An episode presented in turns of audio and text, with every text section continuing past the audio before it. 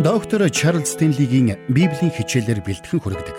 Хамтдаа нэвтрүүлгийн энэ удаагийн дугаар эхэлж байна.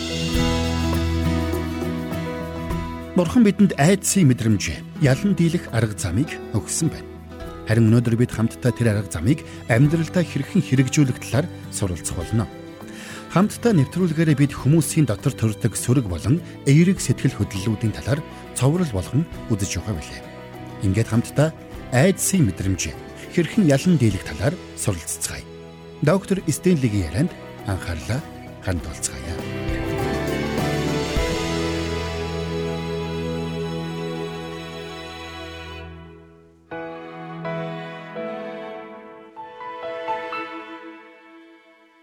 Юуны өмнө хамтдаа шинэ гэрэнд бичигдсэн нэгэн түүхийг эргэн санацгаая.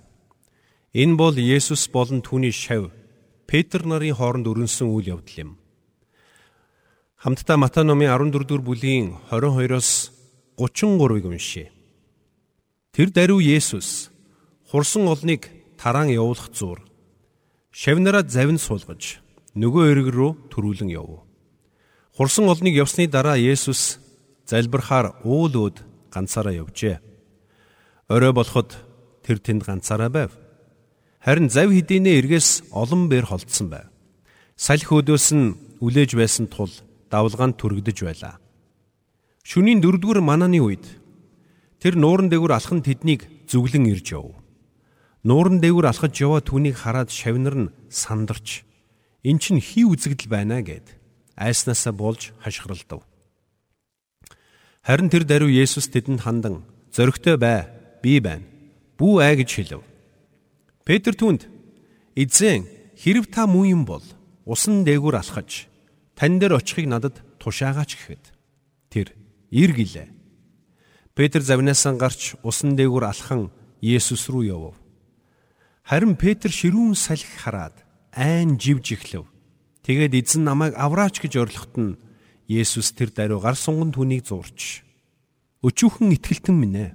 Чи юунд эргэлзэв гэлээ. Тэр хоёрыг завин дээр гарахад салхи зогсжээ. Завин дээр байгсад түнд мөргөж та үнэхэр бурхны хүү мөн гэцгээв. За тэгэхээр хэрв бид анхааралтай унших юм бол Библиэд айдсын тухай маш олон зүйлийг өгүүлсэн байдаг. Эхлэл номоос илчил ном хүртэл айдас давтсан хүмүүсийн тухай байнга л өгүүлдэг. Жишээ нь эхлэл номонд хүмүүс бурхантай уулзахаас айж байсан тухай өгүүлсэн байдаг.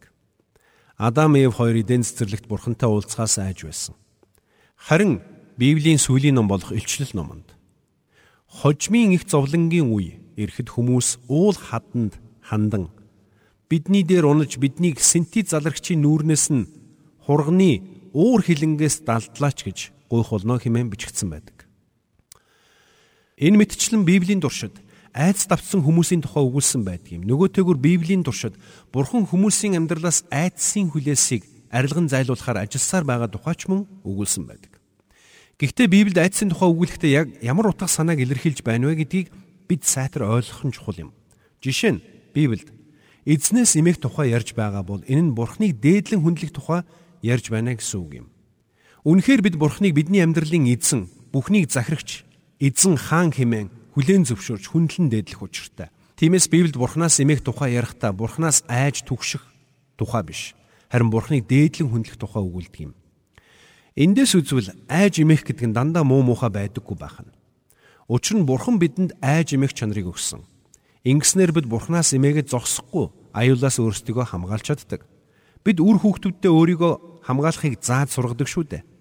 Жишээ нь бид хүүхдүүддээ халуун зүхэнд гараа хүргэж болохгүй шүү гэж заадаг. Бид хүүхдүүдэд могоод хүрч болохгүй гэж заадаг. Учир нь могоод хатгуулж болзошгүй шүү дээ. Өөрөөр хэлбэл тэр хүүхэд өөрт нь аюултай зүйлээс айж болгоомжлсноор өөрийгөө хамгаалж байгаа юм. Итгэвч бидний амьдралч бас үүнтэй адилхан юм. Бид итгэлийн амьдралдаа зарим зүйлээс айж болгоомжлож байх учиртай. Эзэн Есүс шавнартаа хандан махуудыг хөнөөгчөөс бүүэ. Учир нь тэд сэтгэлийг хөнөөж үл чадна. Харин махуд болоод сэтгэлийг хоёуланг нь тамд устгаж чадах түүнээс айхтун хэмээн сургасан байдаг. Үнэхээр бурханд итгэгчид бид гим нүгэлтэд хутгалтахаас болгоомжлох ёстой. Бид гим нүглийн үр дагавраас айж болгоомжлдог байх ёстой.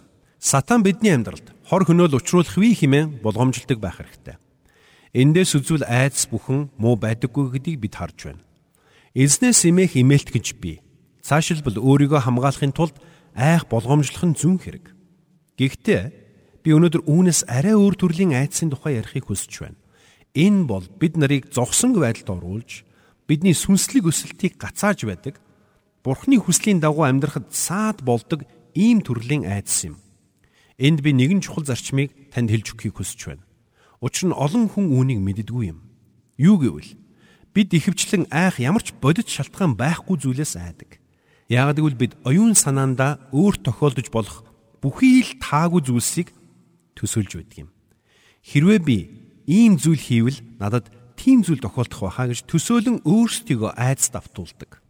Үр дүнд нь бид ямар ч шалтгаангүйгээр айц давтаж айх зүйл болоогүй байхад юу юуг тохиолдох гэж байгаа мэт тэр төсөөлтөд автаж эхэлдэг юм. Тэгэд яадаг вэ? Бид огт байхгүй аюулыг оюун санаандаа бүтээж түүнийгэ төсөөлсөөр нэг л мэтгэд тэр зүйлтэйгээ нүүр тулдаг юм. Яагад гэдгийг би танд хэлж өгье. Учир нь бид айж байгаа тэр зүйлээ бодит мэтээр бодож, бодит мэтээр амьдрснараа тэр зүйлээ бодит болгох алхмуудыг өөрсдөө хийж орхидог юм. Тэгэхээр хэрвээ та айх ямар ч шалтгаан байхгүй зүйлээс айсаар байх юм бол эцэстээ нэг л өдөр тэр зүйл нь бодит биелэл олно гэсэн үг. Тиймээс та өөрийнхөө амьдралыг анхааралтай хараад ажиглаарай. Зарим хүмүүс хэрвээ чи альваа зүйлд санаа зовж байгаа бол тэр санаа зовж байгаа зүйл чинь чамд тохиолдохгүй гэж хэлдэг. Та ийм үгийг битгий сонс. Учир нь тийм биш ээ. Хэрвээ та ямар нэгэн зүйлд санаа зовж ямар нэгэн зүйлээс айсаар байх юм бол та улам бүр айцтай автсаар тэр айц нь таны далд ухамсарт улам бүр нөлөөсөр байх болно. Харин Есүс айцыг үлдэн хөөдөг нэгэн байсан юм. Есүс хүмүүсийн оюун санааг өөрчилдөг нэгэн байсан. Тэр хүмүүсийн хандлага болон бодол санааны хэв маягийг өөрчилдөг нэгэн байсан. Тэр хүмүүс дүргэлж зөрөгтэй бай. Би байна. Бүү ээ гэж хэлдэг байсан. Есүс хүмүүсийг айцсаас чөлөөлөгдөж, урам зоригтой, баяр хөөртэй, Бурхан талархсан сэтгэлээр дүүрэн амьдрахад нь тусалдаг байсан. Хүмүүс бид амьдралынхаа аль нэгэн цаг үед ямар нэгэн байдлаар дараах 6 төрлийн айдастай нүүр тулдаг. Эхнийх нь ядуурлаа сайхан айдас. Хүмүүс дутагдж гачигдах вий гэж айдаг. Бид амьдралынхаа тодорхой нэг цаг үед ирээд бидний олж байгаа орлого бидний хэрэгцээг хангаж бидний хүслийг биелүүлэхэд хүрэлцэхгүй байх вий гэхээс айж санаа зовж эхэлдэг юм. Энэ бол бидний амьдралд тулгардаг үндсэн 6 төрлийн айдсын эхнийх нь юм. Хоёрдугаарх нь бид үхлээс айдаг. Үхлийн дараа юу байдаг болоо гэж Есүс Христ үнэхээр байдаг гэж юу? Там деваачин гэж үнэхээр байдаг болов уу? Үхлийн дараа надад юу тохиолдох болоо гэж бид үүнийг тодорхой мэдэхгүй. Бидний ихэнх нь үүнийг тодорхой мэдэхгүй учраас энэ тодорхойгүй ирээдүй биднийг айлгадаг юм. 3 дугаарт бид өвдөж зовхоос айдаг. Би хүнд өвчин тусчихвал яах вэ? Би өвдчихвэл яах вэ? Хин намайг харж хандах вэ? Эмнэлгийн төлбөр хэр өндөр гарах бол өөрийгөө эмчлэхэд хангалттай мөнгө санхүү надад олдох болов уу? Гих мэтэр бид айдаг. Дөрөвдүгээрт. Бусад хүмүүс намайг хайрлахгүй байх вэ гэхээс айдаг. Хүүхдүүд минь намайг хайрлахгүй бол яах вэ? Эцэг их маань намайг хайрлахгүй бол яах вэ? Хайртай хүмүүс маань намайг хайрлахаа болчихвол яах вэ гэхээс үхтлэн айдаг. Тавдугаарт. Хүмүүс хөгшөрхөөс айдаг. Маш олон хүн хөшрөхөөс айдаг юм. Та нарын зарим нь 50, зарим нь 60, зарим нь 70 настай байгаа бах. Хэрвээ та Христэд итгэгч бол тэгээ та Бурхныг хайрладаг бол хэрвээ Бурхны тухай таны ойлголт зөв бол та хөгшрөхөөс айхгүй. Бидний энэ бие махбод цаг нь ирэхээр хөгшөрч дороотгол болно. Бид энэ биетэйгээ мөнх амьдрахгүй. Харин цаг нь ирэхэд бид цоошин алдрын биеийг Бурхнаас хүлээн авч Бурхантай хамт мөнхөд амьдрах болно эзэн алдар шиг. Миний харж байгаагаар хүмүүс хоёр янзаар өтөлж хөгшөрдөг. Зарим хүмүүс өтөлж хөгшрөх тусам улам ууртай, бухимдуу, ааш муутай болж хувирдаг юм. Ийм хүмүүстэй хамт байхыг хинч хүсдэггүй. Гэтэл зарим хүмүүс 70 80 хүрсэн ч өөдрөг, ирч хүчтэй хийвэрэ байдаг юм. Ийм хүмүүстэй хамт байхад хинч үргэлж таатай байдаг. За 6 дугаарт бид шүүмжлүүлэхээс айдаг. Хүмүүс миний талаар юу гэж бодох бол хүмүүс юу гэж ярих бол хүмүүст ямар сэтгэл төрүүлэх бол тэд надад яаж хандах бол гэж бид айдаг. Тэгэхээр бид амьдралдаа дээрх 6 төрлийн айцтай эрт өрөө хизээ нэгэн цагт нүүр тулдаг байна. Харин бид айцын тухай ойлголтоо Бурханд итгэх итгэлийн дагуу шинчилж чадвал баг юунаас ч яах шаардлагагүй болохыг ойлгох болно. Тэгвэл хүмүүс яагаад айцт автдаг юм бэ? Юуны түрүүнд бид мэдлэг дутуугаас болоод айцт автдаг юм? Бид аливаа зүйлсийн талаарх зөв эргцүүлэн бодохоо мэддэггүй. Хоёрдугаарт бид өөрийн хянаж чадхааргүй нөхцөл байдалтай нүүр тулхаас айдаг ихэнх хүн өөрийн хянж чадахгүй зүйлээсээ айдаг юм. Гэтэл бүтлгүүтэх вэ гэж үргэлж айдаг хүн энэ айцаасаа болоод өөрийгөө бүтлгүүтэл рүү хөдөлж байдаг. Хэрвээ та ямар нэгэн зүйлээс байнга айж байгаа бол нэг зүйлийг санах хэрэгтэй. Та тэр зүйлээс байнга айснараа оюун санаагаа тэр зүйл рүү хэтэрхий хандуулж байгаа гэсэн үг.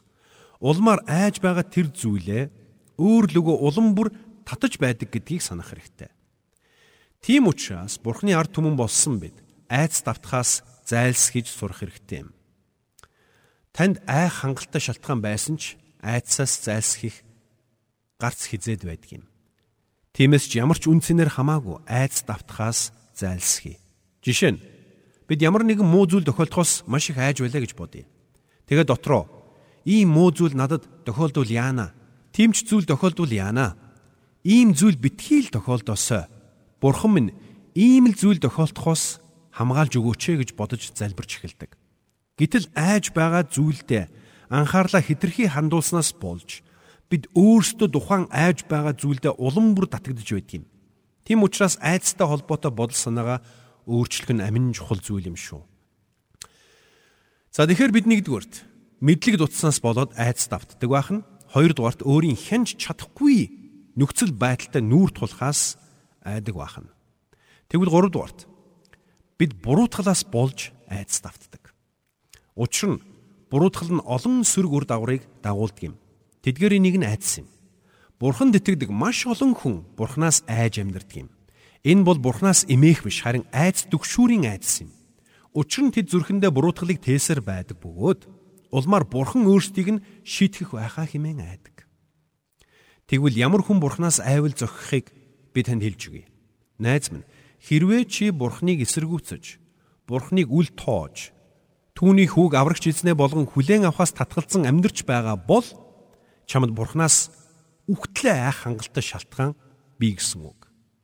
Харин эсэргээр хэрвээ та Бурхныг дуулууртаа дагахыг хичээн амьдрч байгаа бол Бурхны хүүг аврагчаа болгон хүлээн авсан бол чамд Бурхнаас айх шалтгаан байхгүй шүү. Магадгүй та мянган удаа бүдэрч мянган удаа бурхны өмнө гимшихээр ирсэн байж болно. Тэгсэн чинь нь бурхнаас айх шалтгаан болохгүй. Имээж хүндэлж биширч болно. Харин айх хэрэггүй. Ямар хүн бурхнаас айдаг вэ гэвэл зүрхэндээ дуулуургүй байдлыг тээж байгаа хүмүүс л бурхныг буруу ойлгож түүнээс айж амьдардаг юм. Тийм учраас бидний зүрхэнд буруутгал байгаа үед үүнийг дагаад бидний зүрхэнд айц нэвтрэн орж ирдэг. За тэгэхээр хамтдаа одоо Матай номын 25 дугаар бүлгийн 25-аас 27-ыг харъя. Шүнийн 4-р манааны үед тэр нууран дээгүр алхан тэднийг зүглэн ирж яв. Нууран дээгүр алхаж яваа түүнийг хараад шавнар нь сандарч эн чинь хий үзэгдэл байна гэд айснаасаа болж хашгиралдав. Харин тэр даруй Есүс тэдэнд хандан "Зоригтой бай. Би байна. Бүү аа" гэж хэлв. Тэгэхэр бид мэдлэг дутуугаасаа болоод мөн өөрийн хянж чадахгүй нөхцөл байдалтай нүүр тулснаас болоод мөн бид буруутгалаас болоод айцт автдаг гэж үзлээ. Бид бүгдээрээ эдгээр шалтгаануудын улмаас их баг ямар нэгэн хэмжээгээр айцт автан үдсэн байдаг. Угаасаа айж үзээгүй хүн гэж үгүй.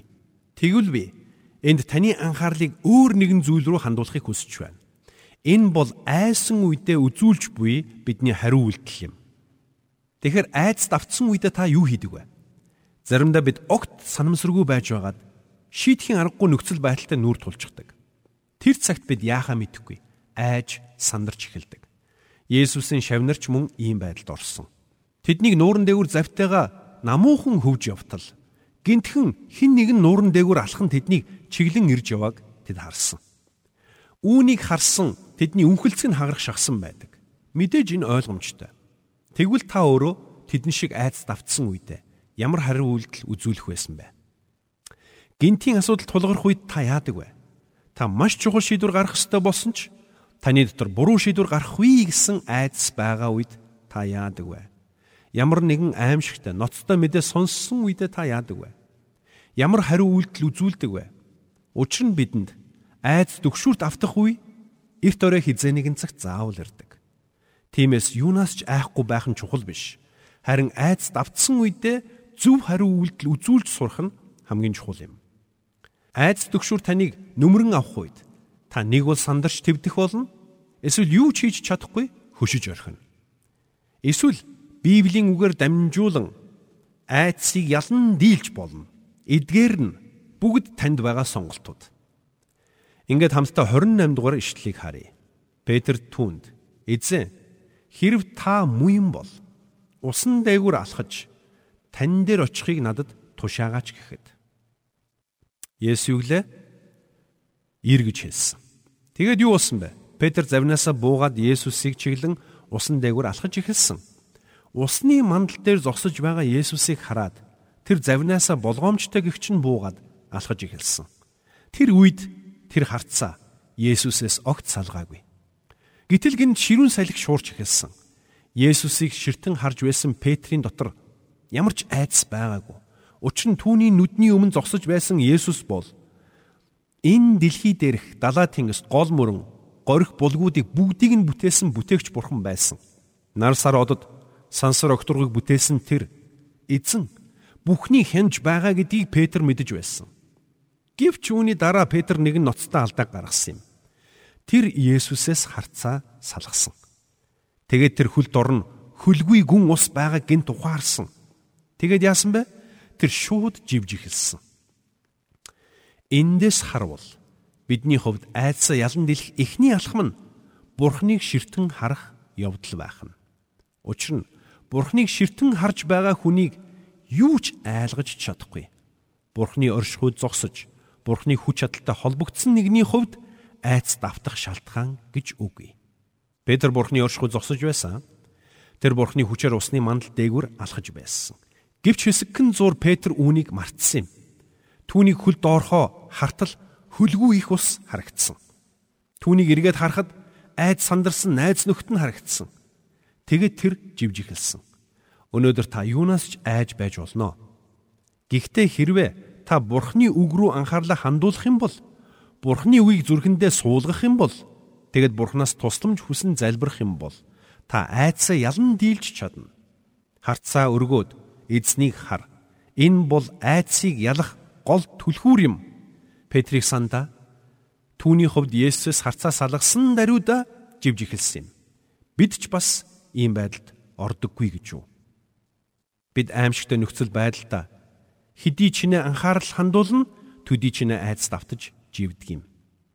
Заримдаа нөхцөл байдал тэр чигээрээ бидний эсрэг болчихсон юм шиг бидэнд санагддаг улмаар ямар ч гарах гарцгүй, ямар ч найдваргүй болчихсон юм шиг мэдрэмж төрж айдас давтаж эхэлдэг юм. Гэхдээ юу гэж баг зэрэг айдсаас маш их айдас нь хавьгүй дээр байдаг юм. Сонин шүү.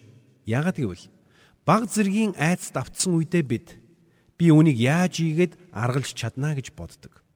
Харин яахаа огт мэдхээ болж айдас гүн автсан үедээ бид ээ бурхан минь гэж дуалтахаас өөр юу ч хийж чадхааргүй байдалд ордог юм.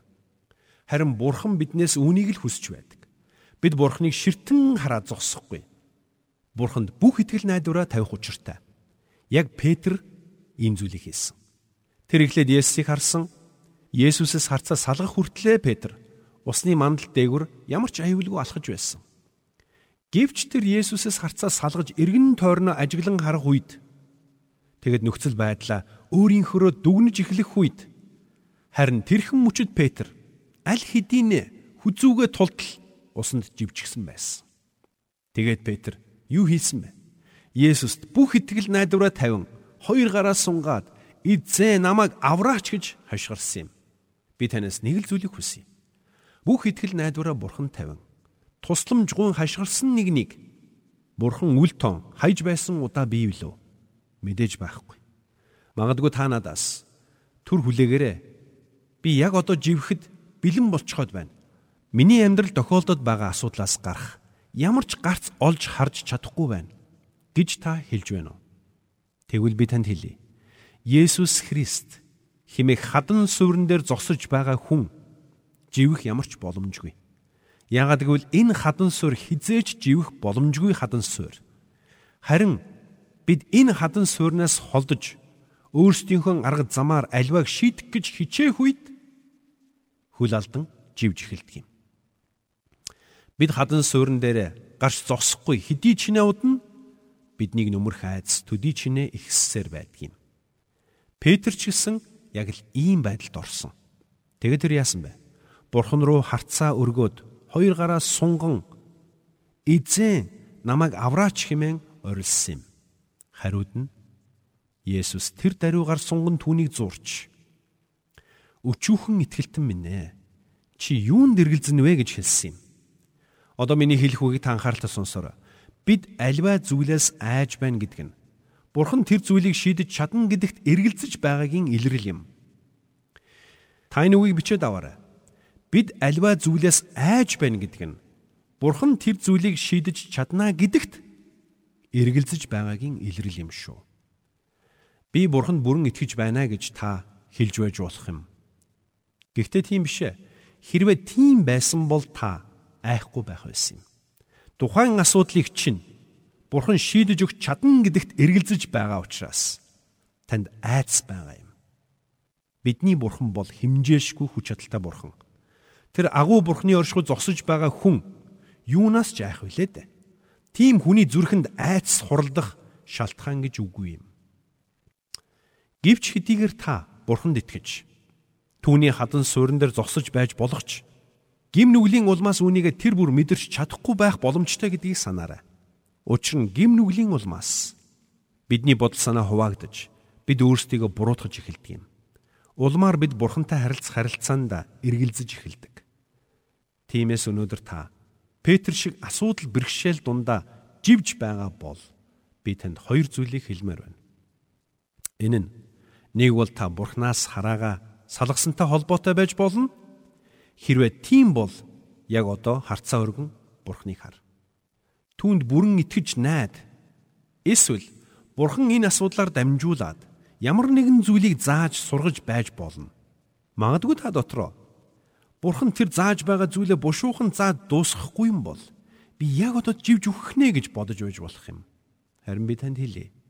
Таныг хэр удаан живэх вэ гэдгийг Бурхан хинээс ч илүү сайн мэдэж байдаг. Тиймээс бүү сандар харин залбир.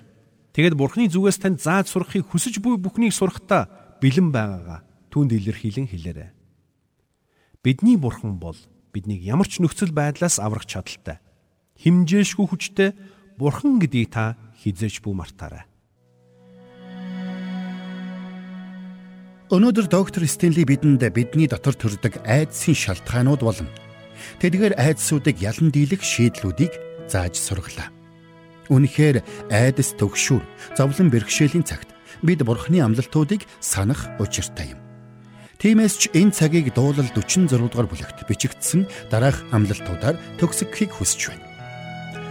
Бурхан бидний хорогдох газар ба хүч зовлон шаналн дунд үнэхээр олддог тусламж. Дэлхий өөрчлөгдөхөдөж далайн зүрх рүү уус нуран орхитож бид айхгүй. Уус хүрхрэн хөөсөрхөдөж, уулс сүртэйгэр ганхан чичирхэдэж айхгүй. Тэмцэлтгэ болж бурхан гэдгийг минь мэд. Би улс үндэстнүүдийн дунд өргөмжлөгдөж, дэлхийд өргөмжлөгдөнө. Төв төмдийн эзэн бидэнтэй хамт Яаковын бурхан бидний хүчит цайз. Амен.